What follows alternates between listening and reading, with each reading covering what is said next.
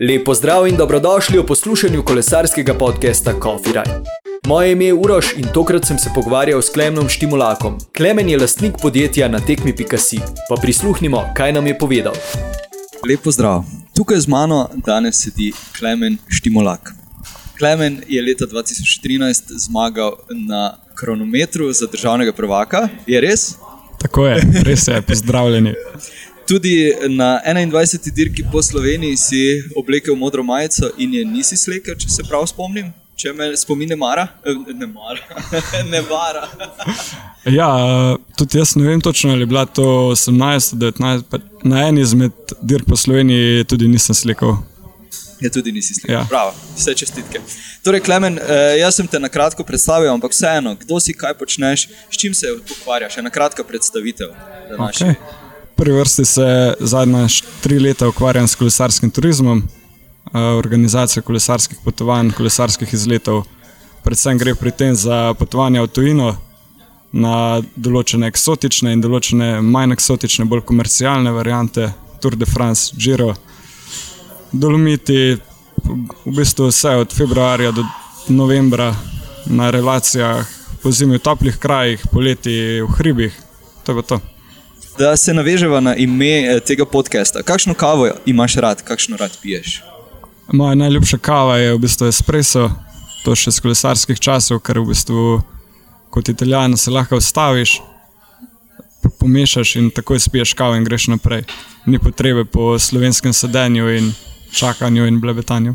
Eh, Naj še samo povem kot zanimivost, da so s Klemnom bila dogovorjena, da posnaveva podcast v Franciji, pa se zaradi zelo okusne kave pri francozi, zato, nismo, zato nismo odločila. ok, gremo na glavno temo. Eh, kolesarska potovanja. Naprimer, da začneva z razlikami med vikend izletom in tedenskim potovanjem. Kakšne so recimo tiste največje razlike, ki bi jih uh, ti izpostavil? Največje razlike se mi zdi, da so pri tem, da za vikend potovanje je vsak re, malo, malo bolj resen rekreativec vedno pripravljen, medtem ko za tedensko potovanje je potrebno več načrtovanja in v bistvu tudi planiranje, da ker težko je sedem dni, celoten teden, vsak dan kolesariti in je zato treba tudi vmes imeti neko animacijo oziroma počitek. S tem imaš sedaj že veliko izkušenj. Naprimer, koliko časa traja, da načrtuješ neki izlet oziroma potovanje? Koliko časa recimo tebi vzame, pa recimo koliko časa predvidevaš, da bi nekomu lahko vzelo? Samo načrtovanje potovanja je v prvi vrsti odvisno od tega, ali smo mi kot organizacija tam na tej lokaciji že bili, ali je pa to nekaj popolnoma novega. Če je v bistvu nekaj čist novega na eksotični lokaciji, ki ni v bistvu kolesarsko priznana destinacija, za katero ni predvsej tematik že odprtih, potem vzame predvsej časa, naprimer tudi teden, dva. Kolikor se pa gre to za enodnevne izlete, oziroma ena do tri dnevne izlete, kjer smo že bili, kjer terene že v, dejansko v nulo poznamo, so pa stvari v bistvu pripravljene v nekaj dneh. Je pa pri tem razlika, če to pripravlja nekdo sam zase, se lahko pač nivo tega tudi spremeni oziroma zniža. Načeloma je stvar v tem, več časa, ko nekdo vloži v to, boljši je končni produkt. Da, da kar eh, navežem na tole. Bili smo prejšnji teden v Franciji, trajalo je pet dni. Koliko časa, če se morda spomniš, ti je vzelo načrtovanje tega? Ja, načrtovanje potovanja na dirko po Franciji mi je zelo, v bistvu je težko točno definirati, ker eh, še vedno vmes je en, en kup motečih faktorjev, ki samo pripravo zmotijo, ampak načeloma je bila stvar pripravljena cirka v tednu dni. Je pa Tour de France v bistvu specifika, ker je ogromno faktorjev, ki lahko vplivajo na samo izvedbo potovanja. In uh, to smo tudi videli, en kup improvizacije, vedno. Ampak uh, ja, težko je na turu oziroma na ogledih dirk uh, splanirati vse na točne ure in da je vse jasno vnaprej. Vse skupaj je seveda povezano z sredstvi oziroma stroški. Je eh, pametno eh, narediti prej nek eh, plan, ko- koliko denarja recimo imamo za porabiti ali, ali kako se to načrtuje? Ja, za načrtovanje je v prvi vrsti potrebno imeti v glavi, koliko, koliko kilometrov na dan je človek pripravljen prekolesariti. Če ne kilometrov, je treba imeti v glavi tudi, koliko višinskih metrov spona je človek pripravljen prekolesariti, ker moramo vedeti, da 100 km v prekmorju je popolnoma nekaj drugega, kot pa 100 km že v Istri ali pa v Bovcu. To je prva stvar, na katero je treba biti pozoren. Potem se v bistvu treba odločiti, eh, v kakem budžetu, oziroma ali želimo nekaj privrčevati, spanje v apartmajih, ali druga opcija je, da pač se vzame hotel in imamo vse obdobje hotela na voljo. Je pomembna tudi v tem primeru izbira kolesa? Absolutno je. Saj, eh, mislim, absolutno ne bi rekel. Torej, ja, eh, izbira kolesa je absolutno pomembna. Imaš morda tukaj kakšne, eh, kakšne predloge, kakšne nasvete za naše poslušalce? Ja, za poslušalce prvi, v prvi vrsti bi bil na svet, seveda, izbira kolesa. Vedno je moj nasvet pred potovanjem, oziroma pred dnevi, ko, veliko, ko se veliko lesarje. Ne, ne se usediti na popolnoma novo kolo, oziroma na kolo, ki ga telo ni navajeno, ker lahko pride do raznih poškodb mišic in sklepov. To je v prvi vrsti na svet. Druga stvar bi pa bila, da se pred odhodom na takšno potovanje, ne vem, teden, dva predtem, preizkusi vsaj nekaj podobnega o tem, kar se tiče količine kilometrov in količinsko višinskih metrov spona. Zato da človek v bistvu ve, da bo to stvar preživel. Kaj svetuješ okrog prtljage? Jaz za sebe vem, da sem v Franciji vzel veliko preveč, kot sem potreboval. ampak, ampak tu, je, tu je vedno tisti ampak. V primeru, da bi karkoli šlo na robe, pa bi bil preskrbljen. Ja. v primeru, da bi karkoli šlo na robe, bi lahko tam ostal še en teden, to je res. po vsej verjetnosti. e, drugače, pa kar se tiče prtljage. Dosti je odvisno od tega, ali se človek organizira svoje potovanje v, v točki A, da je lociran stalno na eni lokaciji in iz nje potuje na, v eno smer in nazaj, v glavnem, da se vedno vrača na točko A, takrat dejansko bi rekel, da ni umejitev, je umejitev vozilo, v katerega je prtljago treba spraviti. Uh, Vkolikor pa se potuje iz točke A v B, iz B v C, iz C v D, potem je pa to prtljago v primeru, da ni spremljalnega vozila, da niste z natekmi PKC, EPP končan. Potem pa to treba nekako zoptimizirati no, in uh, vzeti s sabo prvi vrsti lahka, ampak tudi topla oblačila, če ste v hribih, pa seveda tudi zračna oblačila za vroče dele dneva. Tukaj imam napisano izbira prenočišča. Pa bom zdaj uh, vprašanje kreiral tako. Je bolje spati na eni lokaciji ali je bolje se razparcelirati na več lokacij, oziroma od česa je to odvisno? Je boljše včasih, bom še enkrat ponovil, biti na eni lokaciji pa se iz tiste točke voziti 150-200 km ali. Po mojem mnenju, kar se tiče spoznavanja pokrajine, v katero se odhaja in pač samih krajev, je sigurno boljše se seliti iz točke A v B, iz B v C, iz C v D. To bi v praksi pomenilo, kot da začnemo v Kopru.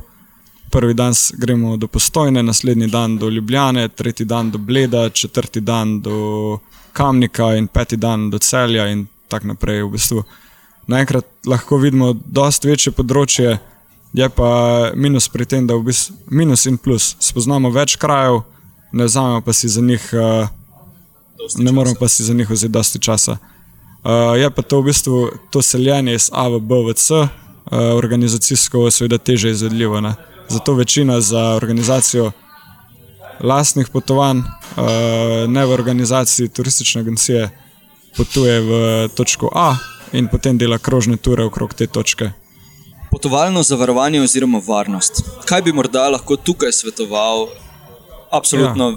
da se splača zavarovati, da, da je v primeru, da gre kar na robu. V prvi vrsti svetujem, seveda, dodatno zavarovanje za tujino, ker eh, nesreča nikoli ne počiva. Tudi, smo, v bistvu, tudi, tudi če je kolesar silno pazljiv, se še vedno lahko zgodi, da nekaj bo šlo na robe. No, pogosto in ne pogosto se dejansko zgodi, da ne, ne vem, avtomobili sili kolesarja, naenkrat zapeljemo v jamo to je v bistvu zavarovanje, sigurno pametna stvar in naložba v enem. Zdaj, eno triki vprašanje. Kakšne so bile tiste najhujše komplikacije, na katere si naletel na kakšnem izmed svojih potovanj? tisto, da se ti je res stisnilo spomin, da, da si ne bi želel, da se ponovi. Eno so v bistvu, bi lahko rekel, da so dva tipa teh stvari. So. Eno je padec kolesarke in uh, zdravstvene težave starejšega kolesarja. Na te v bistvu določeni točki potem uh, stvar rešuješ, kot jo pač lahko. Druga, tako zelo neljuba, se je zgodila pa v bistvu ta vikend. pa upam, da ne boš tega rekel. um, ampak na koncu ta vikend, naprimer, je kot že veš, so bil tam zemeljski plast, 500 metrov od avtomobila, potem toča in prekinjena etapa Tour de France. Uh, že v bistvu to so dosti neljube situacije, že sam če pomislimo, kolikrat v zgodovini je odpadla etapa Tour de France.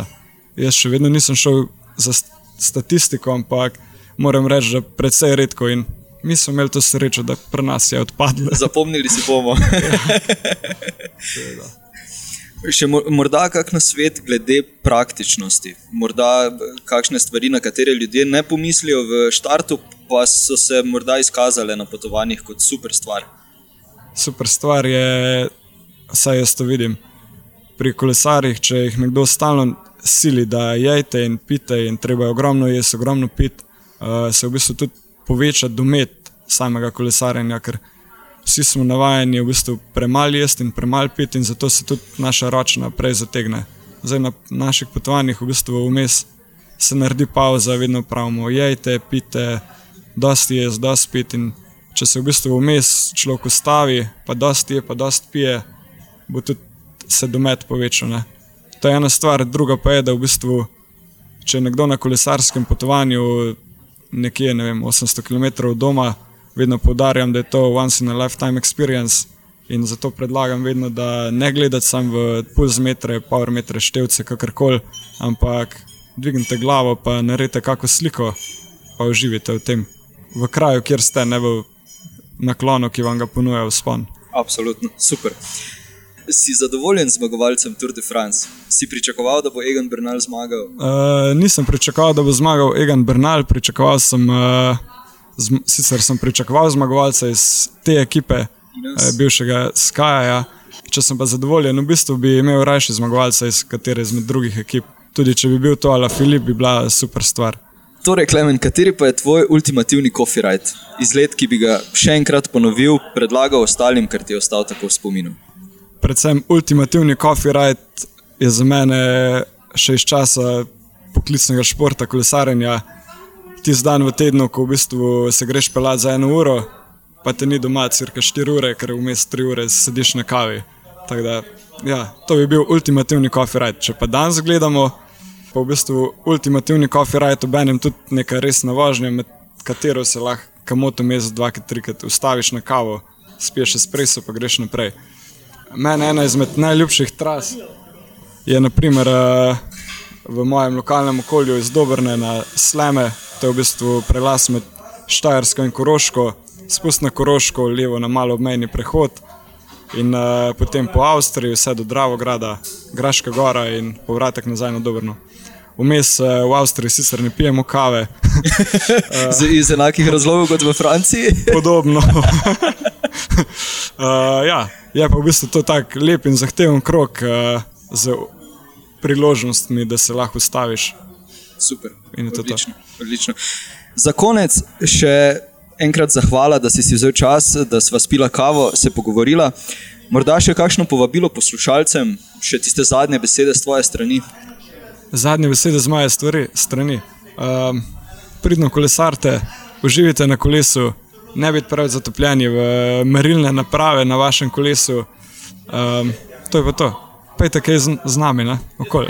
Absolutno, super. Najlepša hvala, Klemen. Prosim, lepo zdrav. Adijo. Klemnu še enkrat hvala za pogovor in kavico. Naslednjič se slišimo prihodnji petek. Kdo bo z nami? Nihče drug kot Grega Bole. Copyright je na voljo na skoraj vseh podcast platformah: Apple Podcasts, Anchor, Stitcher, Overcast in tunin. Trikrat vojni ve.coffeeright.com.